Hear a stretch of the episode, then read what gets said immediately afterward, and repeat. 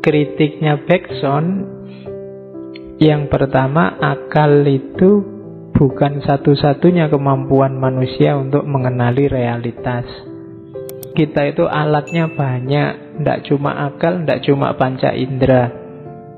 Hanya saja pengaruh sain yang positivistik terus kita anggap pengetahuan yang mumpuni, pengetahuan yang valid itu yo adanya hanya di akal sama panca indera, yang empiris sama rasional. Padahal masih banyak alat-alat kita yang lain. Kita masih punya nurani, kita masih punya naluri, kita masih punya imajinasi. Jadi kita punya banyak alat cuma selama ini tidak banyak kita elaborasi padahal mungkin penting. Ya contohnya misalnya hubungan sesama manusia itu mungkin pasnya pakai nurani. Kalau hanya pakai akal rasanya jadi kering. Kalau ada temenmu akhir bulan tidak punya uang, duitnya habis, terus utang padamu, itu secara rasional pakai akal kalau kamu tidak memberi hutang dia secara rasional itu masuk akal wong dia bukan saudaramu bukan anakmu kamu nggak tanggung jawab apa-apa pada dia tapi kalau pakai nurani mungkin bunyinya beda kalau ada temanmu kehabisan kopi Sementara gelasmu masih penuh, itu kamu diem saja, cuek aja, ndak ada orang nyalain kamu. Memang rasional. Wong yo kamu tadi ngambil ngantrinya juga lama. Tapi kalau pakai nurani mungkin beda. Yo mungkin kamu basa-basi nawari dia monggo itu. Tapi basa-basi.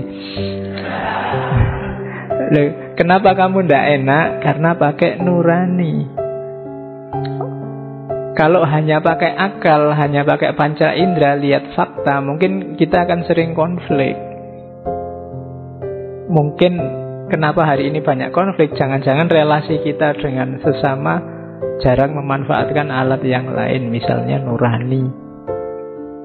Oke, itu kritik antara lain terhadap akal. Karena akal itu ya sifatnya matematis, terbatas. Terus akal itu katanya Bergson fungsi praktis.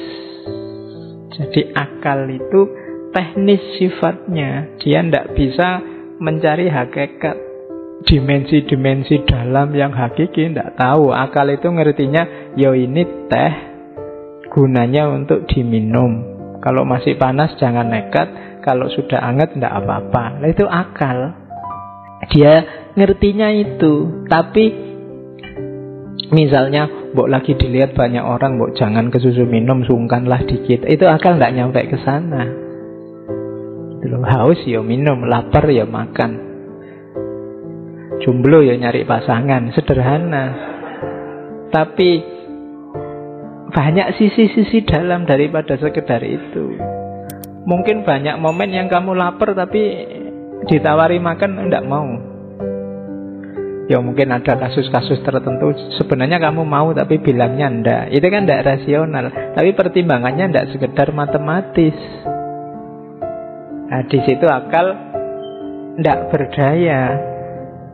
Jadi akal itu tidak bisa menyelami hakikat kenyataan, katanya Bergson. Yang ketiga, akal itu sifatnya butuh data kuantitatif pada lainnya. Butuh ada data yang bisa dia baca. Yang tidak terbaca akal bingung. Dia butuh jelas. Padahal interaksi kita kan banyak sehari.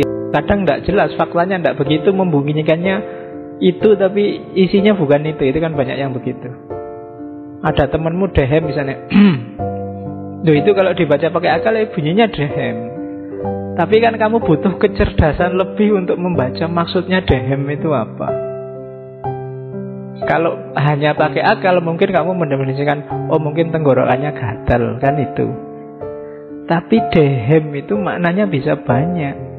Yang itu tidak bisa kalau nggak diselami. Nah itu di level-level itu akal banyak tidak berdaya.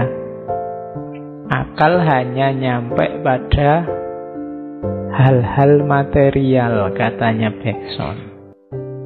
Dimensi psikis saja akal tidak berdaya. Jadi dimensimu, batinmu itu akal tidak berdaya. Jadi pertama-tama Bergson mengkritik akal itu terbatas, akal itu tidak berdaya.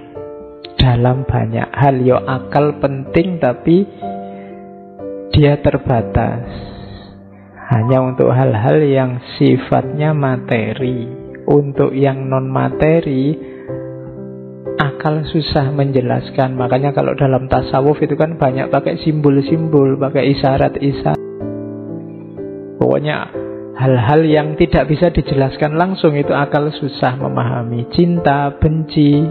Kita ngomong cinta bolak-balik sampai panjang lebar itu kan simbolis semua. Faktanya apa ndak tahu ya. Makanya kemarin jatuh cinta saja nanti kamu ngerti ngapain ngaji bolak-balik. Dibandingkan kamu ngaji bersesi-sesi Mending jatuh cinta kamu langsung paham apa itu cinta.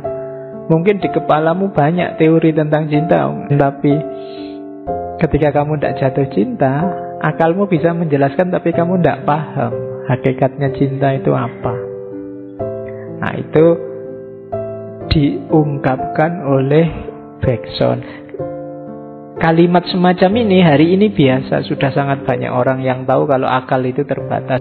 Jadi yang pertama-tama kritik pada akal.